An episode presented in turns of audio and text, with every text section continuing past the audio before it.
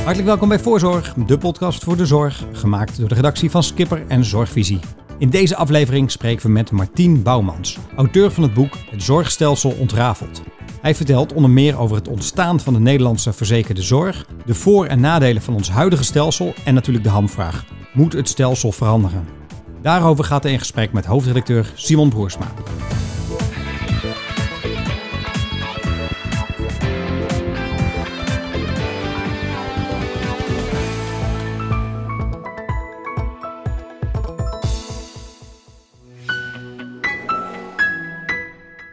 De zorg, waar aandacht voor mensen de drijfveer is. Maar wie zorgt er voor de mensen in de zorg? Voor balans tussen privé en praktijk? Dat is wat ons drijft. De zorg leeft en VVAA leeft mee. Martien Bouwmans, we zitten hier uh, bij elkaar om te kijken naar het huidige zorgstelsel. Er is veel kritiek op uh, de laatste tijd. Um, moeten we het huidige stelsel met zorgverzekeraars, vraag en aanbod, uh, de marktwerking, en, maar ook de gereguleerde samenwerking, moeten we die houden of moeten we daar toch nog een grote verandering in maken? En het leek mij in ieder geval uh, leuk om te gaan kijken naar nou, hoe is dit zorgstelsel nou ontstaan? Welke problemen hebben we daarmee opgelost? En welke uh, moeilijkheden die we nu ervaren, komen misschien niet eens uit dit zorgstelsel, maar komen al van veel langer geleden. Jij bent auteur van Het Zorgstelsel Ontrafeld en groot bekend, goed bekend met het stelsel. Zeker. Zou je mij uh, kunnen vertellen hoe het huidige zorgstelsel eigenlijk tot stand is gekomen? Ja, ja. ja dat is interessant om dat uh, door te lopen. Hoe, hoe, het ziektekostenstelsel in Nederland natuurlijk uiteindelijk ontstaan is. En wat voor strijdpunten daarbij waren. En waarom het, dat zal straks wel blijken, zo moeilijk gaat. En het begin plaatsen we eigenlijk altijd zo rond 1850 als eigenlijk de eerste ziekenfondsen worden opgericht. En ziekenfondsen oprichten, dat deden een heleboel partijen. Want iedereen kon in feite een ziekenfonds oprichten. Het is ook niet meer een ziekenfonds als een aantal mensen wat met elkaar een potje vormt om daaruit je ziektekosten te betalen. En daar waren eh, vaak eh, notabelen in de stad die voor de arme mensen een ziekenfonds gingen maken. Of doktoren in de regio, of de, de, de congregaties, of de kerken, of de vakbonden.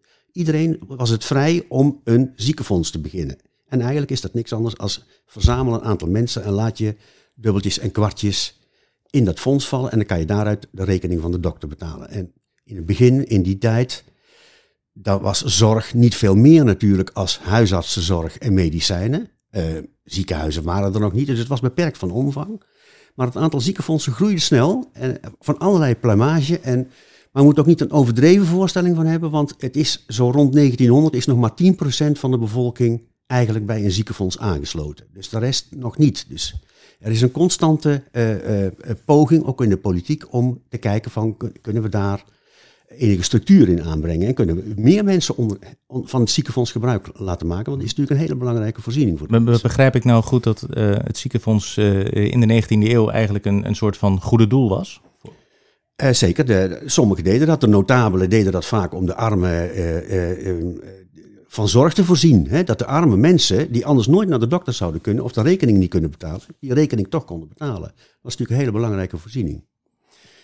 Doktoren begonnen ook vaak een ziekenfonds, omdat zij hadden een ander soort belang. Van, zij waren natuurlijk dokter en ze wilden zorg verlenen en moesten dat vaak doen aan mensen die het helemaal niet konden betalen. Voor hun was het dus ook een, een soort verzekering dat zij de rekening ook betaald kregen. Een commercieel belang je, dus. Heb je commercieel belang, maar je hebt wel een dubbel belang en daar is helemaal niks mis mee. Want daarmee zijn de mensen wel van zorg voorzien en is de dokter van zijn inkomen voorzien natuurlijk. En hoe, hoe is dat dan uh, van een soort uh, goed doel uh, geëvolueerd tot echt dat, dat ziekenfonds zoals wij dat ook nu kennen? Ja. Nou, daar gaat wel een jaar of vijftig overheen met die groei van die ziekenfondsen in allerlei soorten en maten. En uh, in 1908 uh, wordt er een enquête gehouden aan van wat voor soort ziekenfondsen hebben we nou eigenlijk allemaal in Nederland. Dan worden ze geteld in feite. En komen we uit bij dat er op dat moment zo'n zo'n 616 verschillende soorten ziekenfondsen zijn. En die kan je eigenlijk onderverdelen in drie, drie soorten onderlinge ziekenfondsen. Dat zijn eigenlijk verenigingen van mensen die met elkaar een potje vormen. Doktoren die in de regio uh, een fonds uh, gaan vormen. En, maar er zijn ook uh, partijen, directiefondsen werden die genoemd. Dat, die, dat waren fondsen met een duidelijk commercieel belang. Dat waren eigenlijk de voorlopers van de particuliere verze- eh, ziektekostenverzekeraars. De, de commercie in de zorg is al Is al- heel lang aanwezig. toen al, die, die probeerden er wel wat aan te verdienen ook aan het fonds. Maar dat was wel de kleinste groep. De grootste groep waren toch de onderlinge ziekenfondsen en, en de doktersziekenfondsen. Het probleem is wel, van eh, ieder ziekenfonds had zijn eigen voorwaarden. Dus je had je eigen regels van wie mag er lid worden van het ziekenfonds. Je eigen manieren van betalen van doktoren. eh, afspraken maken met doktoren. De manier waarop ze declareerden. Eh, over alles werden afspraken gemaakt. Alleen ieder fonds deed dat op zijn eigen manier. En dat is natuurlijk wel heel onhandig, want dat geeft heel veel administratieve druk, om eens even een pa- parallel te maken met nu. Maar als je heel veel ziekenfondsen hebt met allemaal hun eigen voorwaarden, dan wordt het de zorgaanbieders ook wel lastig gemaakt natuurlijk. Dus er was een belang om daar een structuur in aan te krijgen, om dat wettelijk ook vast te gaan leggen. En dat hebben ook verschillende regeringen geprobeerd. Maar het is niet zo gemakkelijk gebleken om dat te doen. En Dus eigenlijk ehm, is er een moment dat we eh, van het Goede Doel ziekenfonds, eh, de, de particulier ingerichte ziekenfondsen, gaan we over naar het, eh, het- de, de politiek die zich ermee gaat bemoeien, de overheid, ja, en dat het wettelijk geregeld gaat worden. Ja, ja, ja, en daar is ook een zeker belang bij. Want eh, ook de regering heeft er een belang bij. Dat er, voor de, dat er voor de burgers een goede voorziening ontstaat natuurlijk. En dat dat goed en gestroomlijnd gaat verlopen. Dat is wat ze eigenlijk willen. En nou, da- daar worden dus wettelijk, daar wordt in de Tweede Kamer over gesproken. En daar, daar sneuvelen wel heel veel voorstellen. En dat komt omdat er over belangrijke thema's voortdurend oneenigheid is. Daar komen we zo denk ik wel even op terug.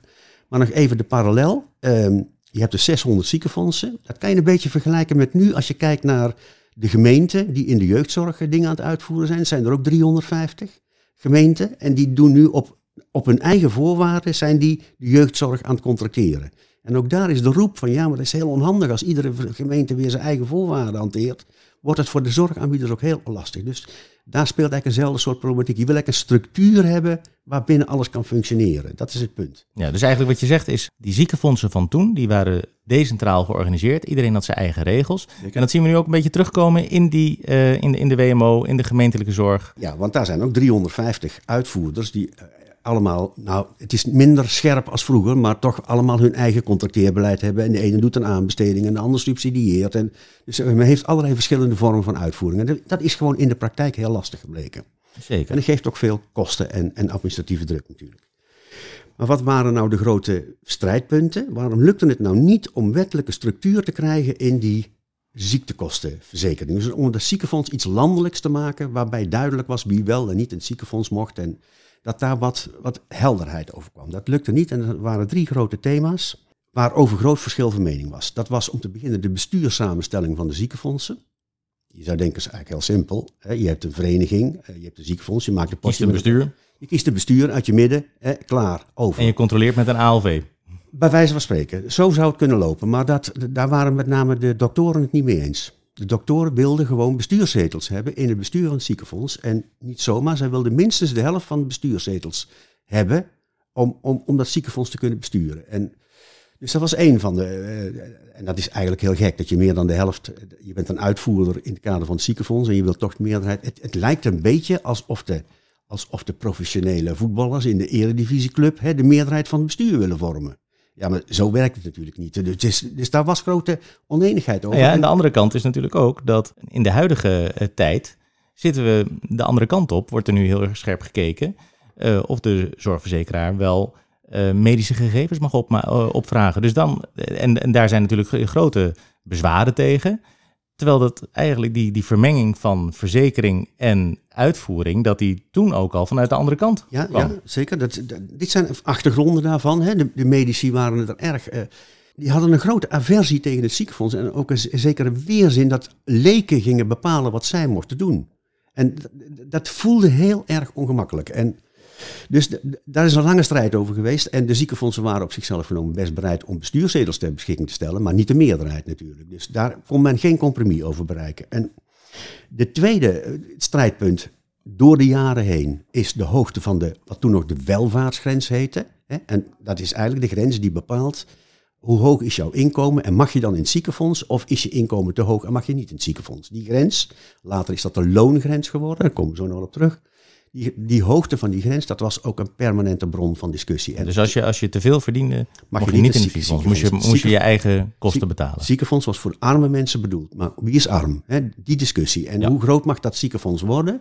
Want daar dachten zowel de overheid als de medici verschillend over. De overheid zat natuurlijk in zekere zin op het vinkentouw om dat ziekenfonds, de collectieve verzekering, niet al te groot te maken. Zeker in die tijd.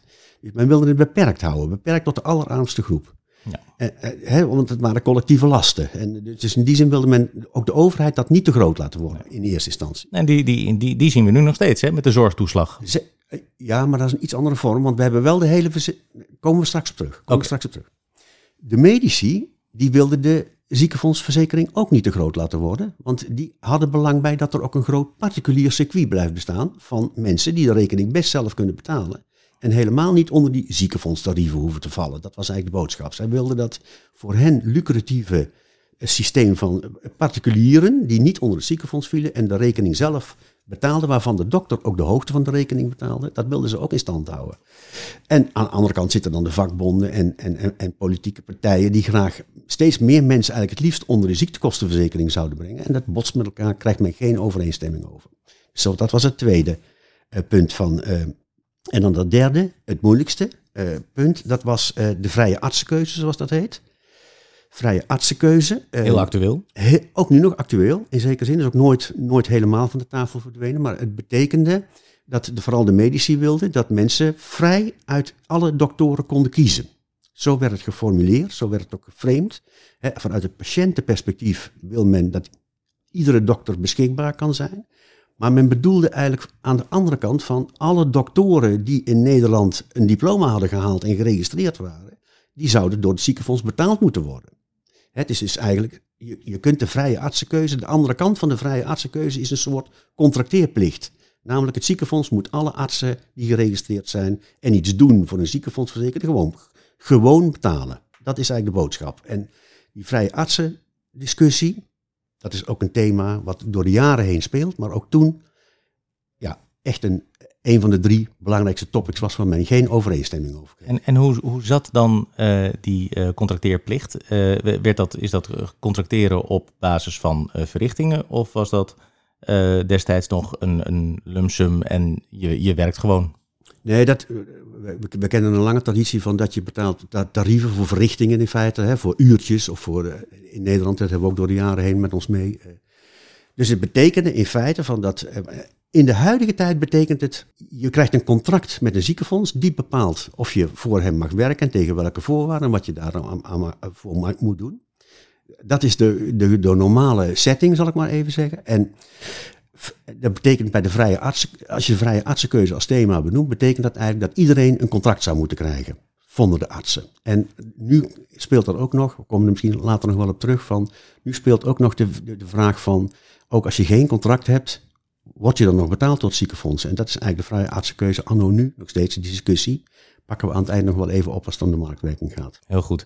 Wil ik eh, eigenlijk nu met jou een, een stapje maken in die geschiedenis? Want dit is allemaal nog eigenlijk ehm, eh, 19e eeuw, begin 20e eeuw eh, waar we zaten. En dan komt op een gegeven moment komt het jaar 1912. 1912, ja, dat is een belangrijk jaar, omdat dan de, rege- de, de regering destijds met minister Talma als belangrijke minister daarin een aantal wetsvoorstellen neerlegt in de Tweede Kamer, die, die, over een, die over verschillende onderdelen gaan, een ziektewet, maar ook een ziekenfondswet, en die wel probeert om daar structuur in aan te brengen. En eh, eigenlijk op al die punten waar die we net behandeld hebben, daar nam hij stellingen in om te komen tot een wettelijke structuur voor de ziektekostenverzekering. Nou, toen is de strijd eigenlijk feitelijk heel, heel erg losgebrand over de thema's die we net noemden. Want in de wet was de vrije artsenkeuze niet goed geregeld, vonden de doktoren. Ze vonden de bestuurssamenstelling niet goed. Ze vonden die welvaartsgrens veel te hoog. Dus men is massaal in verzet gekomen tegen die eh, voorstellen van 1912. En daar is de strijd fel over gevoerd. En het was in die tijd vooral de KNMG, hè, wat nu de KNMG is. Toen heette dat nog de Nederlandse Maatschappij voor Geneeskunde. Dat was eigenlijk de, ja, de grote organisatie van de doktoren. Die verzetten zich daar fel tegen. En de, de strijd wordt hard gevoerd, want zij eh, verzetten zich niet alleen tegen die wetsvoorstellen. Zij nemen ook een besluit in hun vereniging van dat doktoren die straks nog, eh, eh, als- je met die wet zou meegaan, dan, dan zouden zij eh, gaan eh, verbieden dat die doktoren nog voor de onderlinge ziekenfondsen konden werken. En zij gingen dus zelf ook ziekenfondsen oprichten als KNMG. vanaf die tijd, men ging gewoon in iedere regio een doktersfonds organiseren. Omdat men de greep op die ziekenfonds wilde hebben. Juist vanwege die motieven die we net genoemd hebben. Dus dat was een heel, uh, zij namen ook een bindend besluit, hè, dat doktoren die daar niet aan meewerken, die zouden gewoon geroyeerd worden bij de KNMG. Als je toch voor een onderling ziek... Nou, dat was een heel heftig strijdpunt. Dat is een enorme machtspositie die je dan hebt. Een machtspositie en je, je maakte daarmee ook het werken van de onderlinge ziekenfondsen. Er waren er 230 in die tijd nog. Hè. Eigenlijk feitelijk onmogelijk. En je probeerde als doktoren de greep op die ziekenfonds te houden. Dus die strijd werd hard gevoerd. En ehm, ik kan ook nog wel even een citaatje doen van... Er waren bijvoorbeeld 40 hoogleraren in die tijd... die aan de universiteiten werkten en die ondersteunde eigenlijk dat verzet van de KNMG. En die schreven ook een soort eh, manifest, een, een, eh, eh, een, manifest naar de Tweede Kamer, waarin ze eigenlijk hun ongenoegen over dat ziekenfonds en die wetsvoorstellen uiten. En daar wil ik een klein citaatje uit doen, omdat het heel illustratief is, omdat het ook in de huidige tijd nog wat terugkomt. Maar zij schreven destijds, dus over die wetten uit 1912 schreven zij, bij dergelijke ziekenfondsen, waarmee reeds menig geneeskundige tot zijn schade heeft kennis gemaakt, wordt de arts veroordeeld tot een afmattend bestaan bij al te karige beloning en tot volslagen afhankelijk van zijn werkgevers, de ziekenfondsleden. Zo vergaat hem de lust, zowel als het vermogen iets werkelijk goeds tot stand te brengen. Men lette wel op de omvang van het door ons geschetste gevaar. Het grootste deel van de geneeskundige praktijk zal uh, fondspraktijk worden. Het grootste deel der artsen zal dus de demoraliserende invloed die er slechte fondsen ondergaan. Nou, dat is niet mis te verstaan natuurlijk. Hè. En zij concludeerde uiteindelijk ook van, die eindigde die brief ook met van, eh, dat de regering kan, gelet op de gunstige ervaring in het verleden, de verdere ontwikkeling van het ziekenfondswezen met gerust hart overlaten aan de geneeskundige zelf. Daarmee maar weer eens zeggend van, niet die tussenpersoon van die ziekenfonds erbij, daar willen wij niet ons bestaan laten uh, bepalen, zal ik ja, even zeggen. En daar zie je eigenlijk ook weer een, een uh, parallel met de huidige tijd, hè? Uh, niet zo scherp geformuleerd. Niet, nee. Maar als we kijken naar een paar weken geleden naar het NRC, daar staat ook een opiniestuk in van, van twee hoogleraren die ook zeggen van haal de zorgverzekeraar uit het stelsel. Haal de zorgverzekeraar eruit, dat levert alleen maar bureaucratie op. Die zijn alleen maar bezig met kwaliteitsindicatoren, hebben geen enkele toegevoegde waarde. Dat kan net zo goed door een nationaal zorg, zorgadministratiekantoor afgewikkeld worden.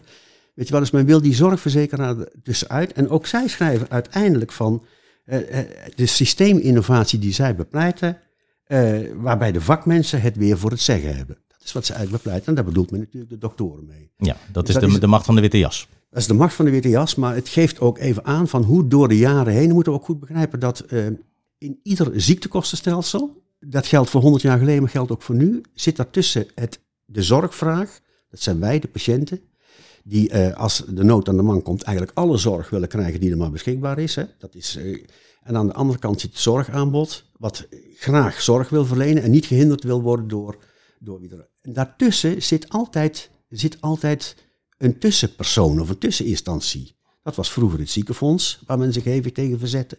Dat is nu de zorgverzekeraar, die met dezelfde dat kan ook de gemeente zijn. Dat zie je bijvoorbeeld in de jeugdzorg. Nu is de in de gemeente, vooral in de jeugdzorg, de gebeterhond. Want die zitten tussen vraag en aanbod. Proberen ze dat een beetje te organiseren. Uiteindelijk is die tussenpersoon de persoon die bepaalt waar het geld naartoe gaat. En hoeveel geld uh, er besteed wordt. En ook nee moet zeggen. Soms, dus, ja, zeker. Dus heb je, ja, en, en, dan ben je de gebeten hond. Dan ben je altijd de gebeten hond. In elk stelsel. Dat kan je gewoon vasthouden. Dat was dus toen al bij het ziekenfonds en het is nu nog bij de zorgverzekeraar. Die altijd onder, onder discussie staat. Hè, van Waarom zit hij er eigenlijk tussen? Nou, die zit er tussen omdat er nou eenmaal ontzettend veel geld in de zorg omgaat. En omdat dat op een of andere manier gestuurd moet worden. En, en, en, en wat we dan proberen is, dat is eigenlijk het punt van zo'n tussenpersoon probeert met de zorgaanbieder een overeenkomst te maken van wat hij mag doen en wat hij niet mag doen.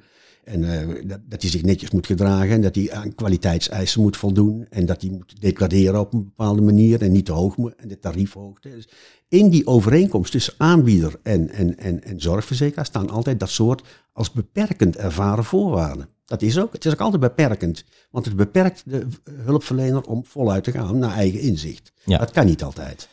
Nou zitten we nu in, in, nog steeds aan het begin van de 20e eeuw. Ja. Uh, meer dan 100 jaar geleden. Zeker. Um, wat is er in, die, eh, in de, nou, laten we zeggen, de 50 jaar daarop uh, gebeurd? Nou, het begint dus met dat uiteindelijk al die wetsvoorstellen in 1912, die, die worden verworpen of die worden niet uitgevoerd of dat verzandt weer helemaal. Dus er gebeurt in feite niks. We gaan op de oude voet verder tot aan de Tweede Wereldoorlog. Uh, dus we houden dat grote aantal verschillende soorten ziekenfondsen. We hebben geen wettelijke structuur daarvoor. Er komt nog bij dat in die tijd, in die 50 jaar tussen 1912 en, 19, en de Tweede Wereldoorlog, uh, gaat ook de verzuiling nog een rol spelen. Dus je krijgt ook katholieke ziekenfondsen en protestantse ziekenfondsen. En het begint elkaar ook allemaal, allemaal uh, verzekerden proberen af te pikken. Dus er ontstaat ook nog een soort ziekenfondsstrijd onderling in die jaren. Omdat het aantal ziekenfondsen werd niet kleiner, maar al eerder eigenlijk alleen maar groter.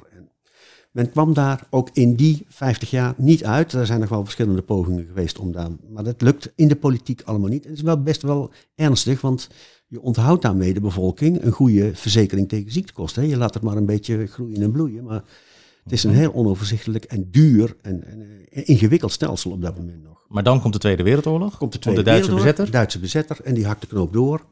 En die maakt naar Duits model, want in Duitsland had men dat wel al, had men al wel een soort verzekering uh, voor, de, voor, de, voor de burgers, uh, voor, althans voor een groot deel van de burgers. Die planten dat model van Duitsland over naar Nederland en voeren dat gewoon rukzichtloos in. Het is ook de Tweede Wereldoorlog natuurlijk. Hè, dus.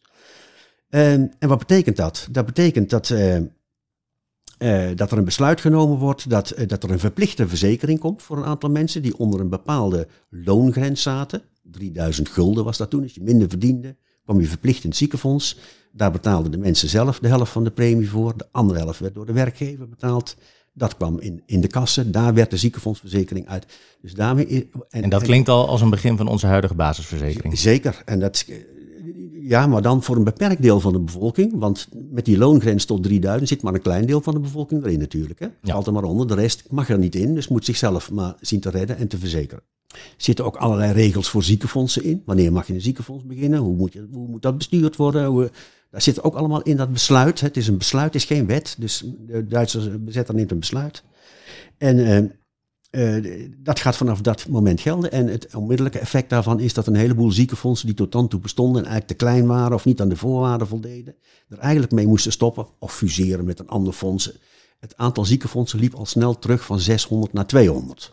Dus er kwam al wel wat stroomleiding in, maar nog steeds 200 ziekenfondsen.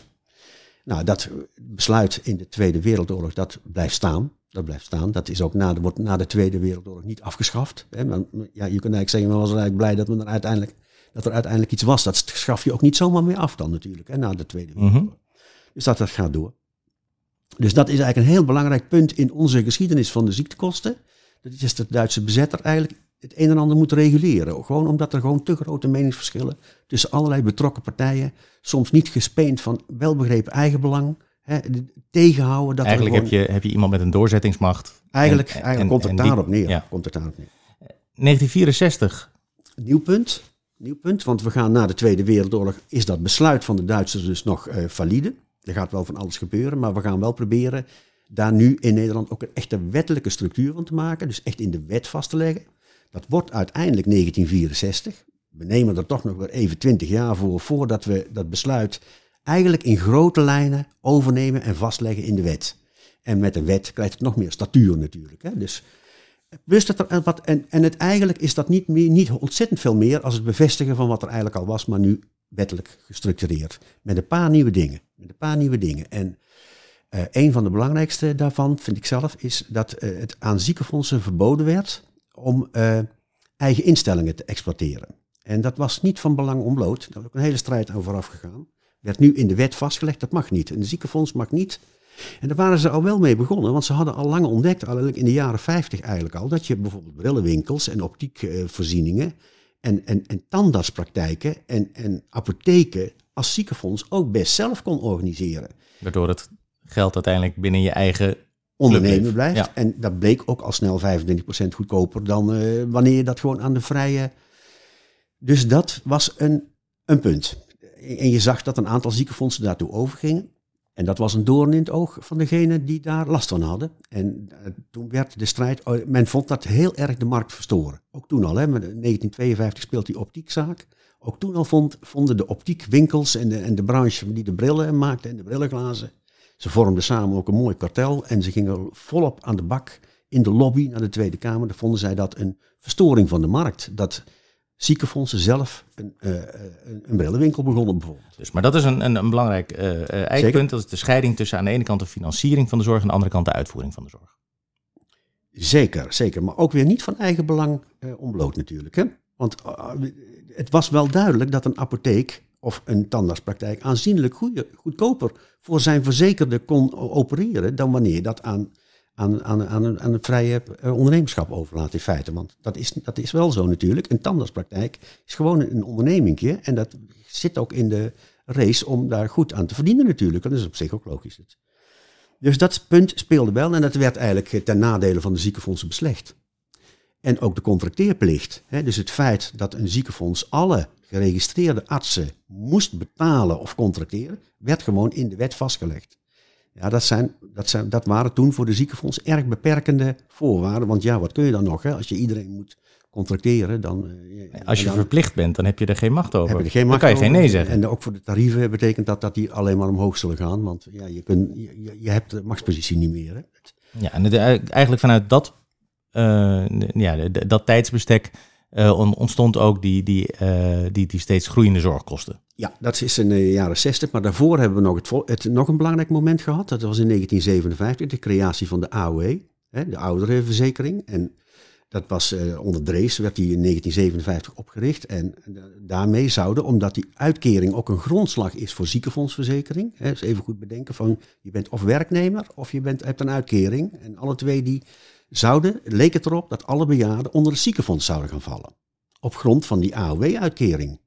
Nou, dat zou betekenen dat al die hoge kosten van deze oude mensen allemaal op de ziekenfondsverzekering zouden gaan drukken. Dat was een heel groot probleem. Daar, heeft daar is toen al een eerste inbreuk op gemaakt door een aparte bejaardenverzekering te maken, waardoor je wat belastinggeld kon fourneren om die kosten, hoge kosten te kunnen drukken. Daar begint het al het spel tussen uh, ja, ziekenfonds en particulier. Hè. Je hebt het ziekenfondscircuit en particuliers met allerlei problemen van dien. Maar de jaren 60, klopt, uh, dat waren de, de, lonen gingen omhoog, de zorgkosten stegen snel. In 1968 komt de AUBZ, nog een aparte verzekering die door de ziekenfondsen uitgevoerd wordt. de, dus de kosten liepen snel. Fysiotherapie komt in, in pakket. Uh, in de, ik geloof in 1966 hebben de huisartsen nog actie gevoerd uh, om hun inkomen met 100% te verhogen. Nou, dat is nog. Dat is, is dat gelukt? Ze hebben uiteindelijk een compromis gevonden dat het maar 50% werd. Maar toch. Zo, het is ook in de huidige tijd zou dat een hele flinke loonsverhoging zeker, zijn. Zeker, zeker. Dat is wel even iets anders dan meer tijd voor de patiënt, zal ik maar even zeggen. Maar om maar even aan te geven van dat was een dynamische tijd waarbij de kosten hoog opliepen, de lonen hoog opliepen. De, de, dus dat ging vrij snel. En en we zaten dus vanaf 1964 in dat systeem ziekenfonds. Je bent of ziekenfondsverzekerd of particulier. En ziekenfonds en particuliere ziektekosten, we hebben twee totaal verschillende kenmerken. En dat botste ook heel vaak. Dat, daar ontstonden ook heel veel fricties over. En die tijd gaan we dan uh, nu in. Ja, want dat is uh, zeg maar de, de, de, jaren 60 tot en met de uh, jaren 90 en het eerste deel van de jaren 2000 hebben we dit systeem. systeem. Ja, systeem. En om even wat te, te schetsen van de ziekenfondsverzekering met zijn contracteerplicht, die al die doktoren moest contracteren, en met zijn inkomensafhankelijke premie. Dus de ziekenfondsen konden ook geen invloed uitoefenen op het geld wat ze binnenkregen, want dat, dat hing gewoon af van wat hun leden verdienden. Daar, kreeg, werd een percentage op gegeven. Dus die inkomsten die, stonden vast, daar kon je niet veel mee doen. Je had aan de andere kant contracteerplicht. Je, je moest je verplicht aansluiten bij het regionale ziekenfonds in die tijd. De, de, de ziekenfondsen waren regionaal georganiseerd in die tijd. Dus, die moest daar dus er was weinig speelruimte in dat, in dat ziekenfonds om, om te acteren, zal ik maar even zeggen. Hè. Van het, het zit met zijn kenmerken uh, best lastig. En daar staat tegenover de particuliere verzekering, waar, waar het heel anders georganiseerd is. Dat is een, uh, kun je niet in ziekenfonds, dan moet je naar een particuliere ziektekostenverzekeraar, dan ga je een polis afsluiten. En die particuliere ziektekostenverzekeraar, die laat alle regels van de markt gelden. Dus die schat in welk risico loop ik als ik deze verzekerde gaan verzekeren. Hè? Als iemand iets chronisch uh, onder de leden heeft, dan, dan gaat onmiddellijk de premie omhoog. De premies varieerden ook. Hè? Van jonge mensen konden voor een koopje particulier verzekerd zijn, die maakten toch geen kosten. Oudere mensen hadden het al een stuk moeilijker, daar ging de premie omhoog voor.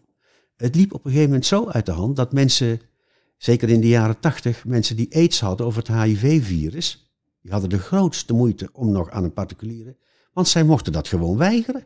Zij mochten gewoon weigeren. Zij zagen de bui al hangen.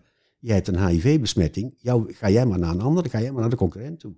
Dus dat was allemaal toegestaan. Dus in dat particuliere circuit werkten ook toen al alle regels van de markt. We moeten niet denken dat de marktwerking in 2006 ingevoerd is. Nee, die is er natuurlijk altijd al. En toen... Maar die was wel veel, veel sterker misschien zelfs nog wel, maar dan alleen voor dat particuliere gedeelte, hè? dus niet voor het ziekenfondsgedeelte. Nee, niet voor het ziekenfonds. Dat was juist heel sterk gereguleerd. Dat was heel sterk gereguleerd. Dus dat, dat klopt. Dus die twee systemen verschilden aanzienlijk. Dat, dat klopt. Marktwerking in de zin ook met de aanbieders, hè, wat we net bespraken, met de optiekwinkels en de, en de, en de, en de, en de tandartspraktijken. Die was er natuurlijk ook, ook, ook al aan die kant. Maar ook aan de verzekeringskant was er dus voor een heel belangrijk deel. Het gaat dan om ongeveer een derde van de bevolking, is particulier verzekerd. En in die tijd zit ongeveer 63, 66 procent in de ziekenfondsverzekering. Die loongrens, altijd permanente bron van discussie natuurlijk. Ook in de politiek. Mag die loongrens nou omhoog? Dan komen er meer mensen in het ziekenfonds. En ook onmiddellijk strijd. Daar waren de particuliere ziektekostenverzekeraars zeer op tegen. Dus ook die strijd gaat voortdurend door. Hè, van hoe groot mag ons ziekenfondsverzekering nou zijn? En aan de ene kant zit de vakbeweging die eigenlijk drukt op van we moeten eigenlijk de hele bevolking in één verzekering brengen. En de Partij van de Arbeid. En aan de andere kant zit de liberalen en de werkgevers en de, die, het, die dat collectieve deel niet zo groot willen hebben. En de particuliere ziektekostenverzekeraars, ook machtige verzekeringsmaatschappij, die daartegen in. Dus ook dat is een permanente strijd geweest om de hoogte van die loongrens. Dus eigenlijk uh, de, eerste jaren van uh, nou, de jaren 60, jaren 70 uh, liep deze wet eigenlijk best goed. En toen kwamen de jaren 80 en daarin ontstonden die grote Steeds problemen. Meer problemen. Steeds Wachtlijsten, uh, nou, de, risicoselecties, uh, de verschillen dat, tussen dat inkomens. Dingen, ja, dingen die voortkomen uit de aard van de verzekering. He, je ziet dat de solidariteit heel erg ongelijk is vormgegeven. He, dus in de ziekenfonds betaal je allemaal naar inkomen. Daar betalen de hogere inkomens mee voor de lagere. En dat is best, in de particuliere verzekering heb je gewoon een vast premiebedrag. Wat afhankelijk is van het risico wat je loopt. Dus, en, en ouderen waren zeer erg oververtegenwoordigd in het ziekenfonds op dat moment. Dus de kosten van de ouderen, die, werden allemaal door de ziekenfondsverzekerder opgebracht. En dat vond men op een gegeven moment ook wel onrechtvaardig. Is men allerlei mechanismes gaan ontwikkelen om ook de particuliere verzekeringsmaatschappijen toch enigszins mee te laten betalen aan de oververtegenwoordiging van de ouderen in ziekenfondsen. Dus er moest steeds meer labwerk komen om nog een beetje die solidariteit op dat moment in de, in de hand te houden. Iets wat we nu ook nog zien, hè? Ja, maar nu, is dat, nu zitten we allemaal in één verzekering. En nu is dat, is dat... allemaal in één verzekering, maar ik bedoel meer in de maatschappij. Uh, we hebben uh, een grote vergrijzing in de maatschappij. Er wordt ook in pensioenstelsels bijvoorbeeld wordt nu gekeken. Zeker, zeker. Uh, hoe, waarom moet de, de jongere generatie eigenlijk de pensioenen van de oudere generatie gaan betalen? Uh, dus het is iets wat ook, uh, ja, misschien niet één op één, maar wat wel ook in de huidige tijd ook weer terugkomt. Zou kunnen, ja, dat zou kunnen, maar op een andere manier. Want ik, we komen straks bij het huidige stelsel en daar is dat toch, voor de ouderen is daar geen probleem, naar mijn idee. Is geen probleem voor de ouderen in het ziektekostenstelsel. Daar, maar daar komen we straks, als we bij de basisverzekering komen, wel op.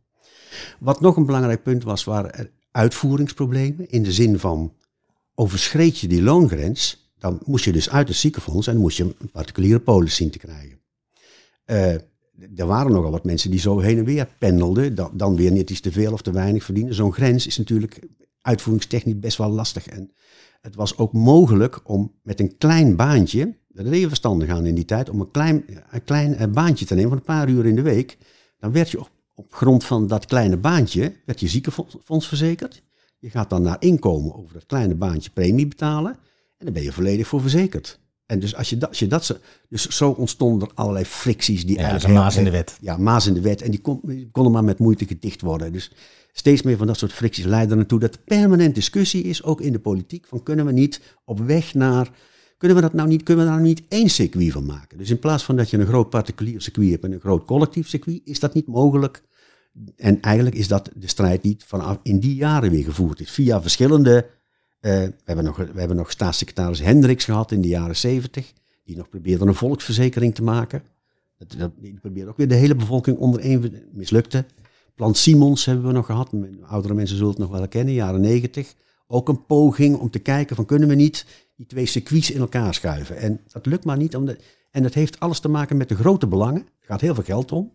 Uh, en die grote meningsverschillen over collectieve lasten of niet. En of je wel of niet onder ziek, ziekenfonds heeft toch, toch, toch een bepaald stigma. En dan wilden mensen niet.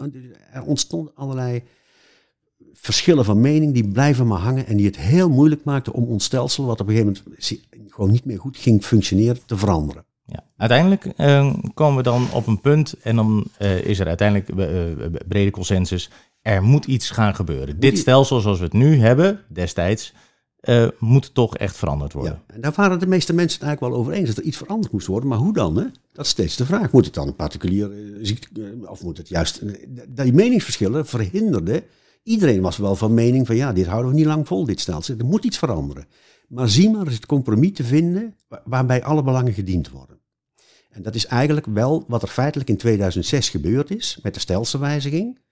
Waarbij, ja, waarbij er eigenlijk een compromis gevonden wordt tussen aan de ene kant de ziekenfondsverzekering, de sociale verzekering zal ik maar even zeggen. Met het solidariteitsbeginsel. Met solidariteitsbeginsel erin. En aan de andere kant de particuliere polis, gericht op marktdenken, marktprikkels, eh, dat soort zaken. Hè, en die moeten in één stelsel geschoven worden. En uiteindelijk kun je achteraf kijkend zeggen van dat het Hogevorst gelukt is om daar een compromis op te vinden. Ja, want dat was Hogevorst, uh, minister Hogevorst destijds. Die, van de VVD. Die, die, die dit stelsel, het huidige stelsel... In grote lijnen. En, en dat is heel interessant om te kijken hoe de politieke discussie in die tijd verliep. Hè, van waar, draaide dat nou om? Dat, dat draaide natuurlijk om dat compromis. En het is uiteindelijk ook een echt doordacht compromis geworden, omdat ons stelsel van nu kent marktelementen, maar kent ook een heleboel sociale uh, uh, dingen daarop. Daar gaan we even op, dieper op in. Want je zou kunnen zeggen dat het compromis tussen ziekenfondsen en particulier wel enigszins gevonden is in een nieuwe basisverzekering voor de hele bevolking. Die voor een deel met vaste premies en voor een deel inkomensafhankelijk en met een groot pakket en voor iedereen, dat, dat compromis werd wel gevonden. Daar worden marktprikkels ingebouwd in dat stelsel. Daar komt een eigen risico en er worden, de verhoudingen worden wat verlegd. Dus uh, de overheid was niet, echt niet langer bij machten om de kosten in de zorg nog te beheersen. Dus men wilde dat op andere manieren organiseren. En, maar het stelsel werd ook voorzien van tal van publieke randvoorwaarden, zoals dat heet. dus allerlei inperkingen van de marktwerking. dus op voorhand in de wettelijke regelingen pogingen om de marktwerking in te dammen. Ja, dat is, dat, en dat is, bij de gereguleerde markt, marktwerking eigenlijk uit. Juist. En, en uh, er is ook veel discussie geweest van uh, hoe, hoe, benoemen we nou deze basisverzekering? Is dat nou een sociale verzekering met marktelementen erin? Of is dat een particuliere polis met allerlei publieke randvoorwaarden? Dat, dat lag heel dicht bij elkaar en dat moest Hogevorst wel definiëren. Is niet van belang ontbloot. Hij definieerde dat toch als een particuliere polis, maar wel met allerlei publieke randvoorwaarden. Zullen we zo nog een paar van noemen. Maar dat was wel een teken voor de Partij van de Arbeid om er toch niet mee in te stemmen. Die hadden toch liever gehad dat het gedefinieerd was als een sociale verzekering met marktelementen, dat dan nog wel. Maar, maar het leek een beetje om het even, omdat het best een goed doordacht compromis is. Want Als we er nu, met de ogen van nu naar terugkijken, hoe zou je het dan nu benoemen? Dan moeten we het benoemen als gereguleerde marktwerking. En zo werd dat ook genoemd in de discussie. En dat is heel iets anders als iets aan de marktwerking overdragen. En dus misschien ook wel goed om er even bij stil te staan. Het is 2006. En die discussie heeft daar zich natuurlijk jaren vooraf in een tijd waarin alles, maar dan ook alles aan de markt werd overgedragen. In de financiële wereld eh, werd alles gedereguleerd en geprivatiseerd. En uiteindelijk is daar in 2008 de financiële crisis ontstaan. Ja, om, omdat er uit te weinig mechanismes waren om, om, die marktwerking in die financiële wereld in te dammen. Je kunt het zo zeggen, van de, de financiële crisis ontstond omdat er gewoon niet in de wet was vastgelegd dat je niet een hypotheek mag verstrekken aan iemand die hem niet kan betalen. Als je dat niet vastlegt, gaan hypotheekverstrekkers hypotheken verstrekken aan mensen die het helemaal niet kunnen betalen. Dat is in de zorg nou juist wel allemaal belegd. Hè? Er is een acceptatieplicht. Een verzekeraar mag niet zeggen, jou wil ik niet. Er is een verzekeringsplicht natuurlijk. Er is een zorgplicht. Er, er, is een heel stelsel van publieke randvoorwaarden gemaakt. Je mag de premie niet differentiëren. Dus je mag niet voor een jonge verzekerde een andere premie vragen als voor een oudere. Als je eenmaal je premie bepaald hebt, is die voor iedereen gelijk. Dus met allerlei mechanismes wordt, wordt dat marktgebeuren ingeperkt in feite. En dat vinden de verzekeraars, de zorgverzekeraars, uiteindelijk helemaal niet eens zo erg. Als voor iedereen speelveld maar gelijk is. Als iedereen altijd een verzekerde moet accepteren, dan is het speelveld gelijk. Dan vinden ze dat niet zo erg. Dan doen ze dat wel. Goed, Hogevorst definiëren het als een particuliere polis. Dat, is niet, dat, dat heeft wel betekenis, hè? want dan, als het een particuliere verzekering gedefinieerd is, dan gaat Europa meekijken. Dan is het marktdenken. Dan moeten de reserves van de verzekeraars hoger zijn dan wanneer je in een sociale verzekering zit. Daar komt daaruit voort. Dus dat definiëren is niet, van, is niet ontbloot van belang. Hè? Dat, maar goed, het was toch, als je nu eigenlijk goed bekijkt en goed jezelf de vraag stelt, hebben, hebben wij nu in Nederland, een we hebben allemaal een particuliere polis, we sluiten allemaal een polis af per 1 januari, stappen we over misschien, hè? maar we hebben allemaal een particuliere polis. Maar is dat nog eigenlijk vanuit het perspectief van een zorgverzekeraar een particuliere polis? Want over de belangrijkste vragen, hè, wie mag ik nou eigenlijk verzekeren? Daar hoef je niet over na te denken, want je moet iedereen verzekeren. Dus daar, is, daar, daar kan je geen politiek op voeren. Wat moet ik dan verzekeren? Nou, daar hoef je ook niet over na te denken, want het basispakket, het pakket wat je verzekert in die basisverzekering, wordt door de politiek vastgesteld. Dus wie en wat, daar ga je al niet over. En ook het hoe, hoe, hoe ga ik aan de slag als zorgverzekeraar? Nou, wel met een aantal beperkende voorwaarden. Bijvoorbeeld dat je die premie niet mag differentiëren tussen jong en oud. En allerlei dingen liggen in de wet vast. En daardoor is de marktwerking. Kijk, ga je eigenlijk nog afvragen, is dat nog een particuliere polis of is dat eigenlijk ook een... Dus het is een beetje om het even. Als je maar goed regelt dat de markt ingetoomd wordt door regulerende maatregelen, dan krijg je wel een zekere balans. Ja, en dan is er eigenlijk uh, nog één punt waarop uh, de zorgverzekeraars tegenwoordig wel het verschil kunnen maken. En dat is bij de contractering. Zeker, zeker, want in het nieuwe stelsel is de contracteerplicht in principe opgeheven. Hè, opgeheven. Zorgverzekeraars mogen contracteren in, in het veld van de zorgverleners. Hebben niet de plicht om iedereen te contracteren. Dat is ook de bedoeling. Van je wil graag dat, je wil graag dat er iemand meekijkt dat, dat je wel aan de kwaliteitseisen voldoet natuurlijk. En dat je geen charlatans contracteert. En dat, dat doktoren die het te bond maken, dat die gewoon uit het stelsel gezet kunnen. Dat wil je natuurlijk wel. Maar aan de andere kant is het zo, er is een tekort aan zorgverleners. Dus al die zorgverleners worden in principe gecontracteerd. Hè? Even voor de goede orde. Dus dat, ook, dat valt eh, in de praktijk wel mee. Maar toch, hier komen we weer terug op het punt van de vrije artsenkeuze. Er zitten in die zorgverzekeringswet toch artikelen, artikel 13, wat het de verzekeraar verplicht om ook iemand die niet gecontracteerd is en die toch zorg verleent, om die toch te betalen. Wel een geringer bedrag, maar toch, hij moet betaald worden. Eigenlijk is dat ook weer een verkapte contacteerplicht.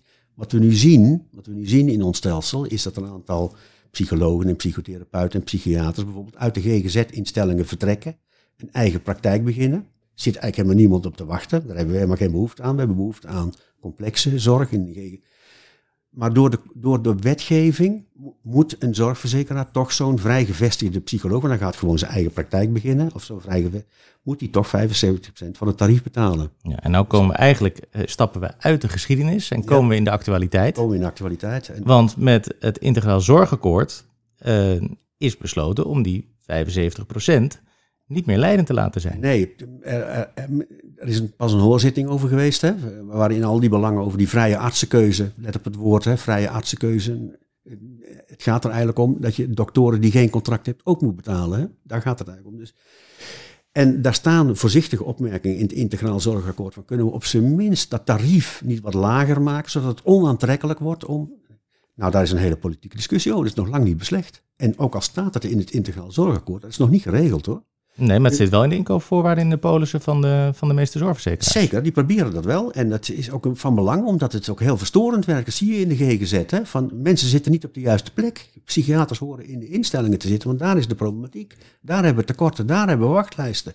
Niet in die vrij. Dus je wil daar een beetje op kunnen sturen. Nou, dat is het punt. En dus, maar het gaat er eigenlijk maar even om van ook zo'n thema als vrije artsenkeuze, dat slepen we dus al 100 of 150 jaar met ons mee. Is altijd een thema geweest, zal het ook altijd blijven.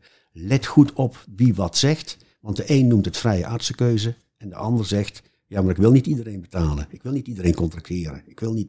Dus die, dus die framing van die discussies is heel erg van belang. We komen redelijk aan het einde. Toch nog eventjes uh, over de, de zorgverzekeraars en de, uh, de, de fondsen, hè? de ziekenfondsen nu zien we uh, dat we van de gereguleerde marktwerking, wordt het nu uh, in één keer neergezet als een gereguleerde samenwerking uh, in de zorg. Ik hoor ook steeds meer zaken die vroeger ook speelden. Hè? De gelijkgerichtheid in de regio, dat de, de grootste zorgverzekeraar bepaalt en de rest moet volgen. Heeft de zorgverzekeraar nog voldoende bestaansrecht? Ja, bestaansrecht zeker, want dat, dat, is het punt van in ieder stelsel is er altijd een intermediair tussen aanbod en vraag nodig. Hè. Iemand moet het organiseren. Iemand, in de huidige vorm bedoel ik ook, in, In de huidige... Er, er, is altijd in ieder geval zo'n tussenpersoon nodig. Je kunt het niet zonder. Je kunt niet zonder. Je kunt niet vraag en aanbod gewoon maar... Er zit altijd een, dus in die zin heeft, heeft altijd een zorgverzekeraar of een ziekenfonds of een gemeente of een zorgkantoor bestaansrecht. Dat is, daar, is geen, daar, daar kan je bijna niet. Uh. Misschien is het goed om nog wel even te vertellen van na 2006, we hebben dus een compromis tussen sociaal, we hebben gereguleerde marktwerking, hè, sociaal en markt. Er komen vervolgens natuurlijk wel vier kabinetten Rutte na 2006. Hans Wiegel wordt voorzitter van Zorgverzekeraars Nederland. De nadruk komt wel steeds meer op de markt te liggen. die balans tussen regulering en marktwerking, nou die is in die jaren, het was niet, niet not done om te praten over meer regulering in die tijd. Dat was echt geen, nu is de tijd daar wel rijp voor. Nu is de tijd daar wel rijp voor om die balans te herstellen. En je zou kunnen zeggen, het reguleren, het een beetje sturen, het regie voeren, het in de regio met elkaar gaan doen, dat mag best wat meer uh, aanzet krijgen nu. Omdat als dat, als dat een tekortkoming blijft in ons stelsel, moet, moet je dat kunnen repareren. Dus in die zin kan de balans op dit moment wel hersteld worden. Nou, laten we eerst nog even behandelen van welke vormen van marktwerking kennen we nou eigenlijk in ons zorgstelsel. Want er is veel discussie over ons zorgstelsel. De marktwerking moet afgeschaft worden. Ons Paaltje 1 is van het is gereguleerde marktwerking. En als je op de keper gaat beschouwen, waar zit de marktwerking nou? De marktwerking zit hem tussen zorgverzekeraars en aanbieders. Zonder contracteerplicht moet er gecontracteerd worden. Maar dat moest er voor 2006 ook hoor. Alleen deden het toen anderen die, die marktwerking tussen wie wat mag doen en voor welk tarief, die is altijd al geweest. Dus dat, zal ook nu gewoon blijven. Even voor de goede orde. Dus, dus tussen verzekeraars en zorgaanbieders is er altijd een vorm van marktwerking. Er gaat gepraat worden. Nieuw is dat we nu ook een vorm van marktwerking tussen de verzekeraars krijgen. Zorgverzekeraars concurreren tussen aanhalingstekens in zekere zin met elkaar. Die, moeten, die worden geprikkeld door marktprikkels om alert te blijven zorgverzekeraar kan het zich niet permitteren om niet op de kosten van de zorg te leggen. Want dan moet hij volgend jaar een veel hogere premie vragen als hij het uit de hand laat lopen. Dus hij wordt geprikkeld om daar aandacht aan te besteden. Ja, al is door die gelijkgerichtheid, uh, is dat wel aan het verminderen, die mogelijkheid. Ja, de, de, vorm die het aanneemt, die concurrentie tussen die verzekeraars, die, die valt in de kern wel mee. mensen kunnen wisselen van zorgverzekeraar. Als je, als je het uh, uh, niet met je eigen zorgverzekering. Kan je wisselen, één keer per jaar, maar het kan wel. en, en, dat houdt de verzekeraars wel scherp. Dat is bijvoorbeeld ook de oorzaak, de reden geweest waarom iedere zorgverzekeraar er nu wel een klantenservice op na moet houden. Want als je als verzekeraar onbereikbaar bent, dan stappen de verzekeraar allemaal over. Dus daar zitten allemaal prikkels, ook aan de zorgverzekeraarskant, om aan klantenservice te doen naar je klanten. Om aan zorgbemiddeling te doen, service naar je klanten. Als iemand niet snel genoeg op, kan je altijd aan zo'n verzekeraar bellen om te vragen, is er niet ergens anders een plekje? Daar maakt men werk van. En dat moet men ook wel, omdat dat feitelijk de dingen zijn waarop men concurreert. Hè? Dus uiteindelijk stapt 6% van de mensen ieder jaar over. Dat is niet veel. Maar goed ook, anders zouden we een heel circus krijgen. Maar, allemaal, maar die 6% is natuurlijk wel 1 miljoen mensen. 1 miljoen mensen stapt toch over. Net voldoende om de verzekeraars wel scherp te houden. want als je niet oplet en ze gaan te veel vertrekken, dan ondermijn je ook je eigen positie. Dus die prikkels aan de zorgverzekerarskant zitten ook ingebakken. En dan was het eigenlijk ook nog de bedoeling dat er enige dynamiek zou ontstaan tussen patiënten en zorgverleners. dus dat er ook een zekere vorm van, ja, marktwerking is een groot woord, maar men opteerde met ons stelsel en nog steeds dat de kwaliteit van de zorgverlening inzichtelijk is, zodat de patiënten kunnen kiezen en dat ze kunnen kiezen voor de beste dokter in het land, hè, of voor het beste ziekenhuis.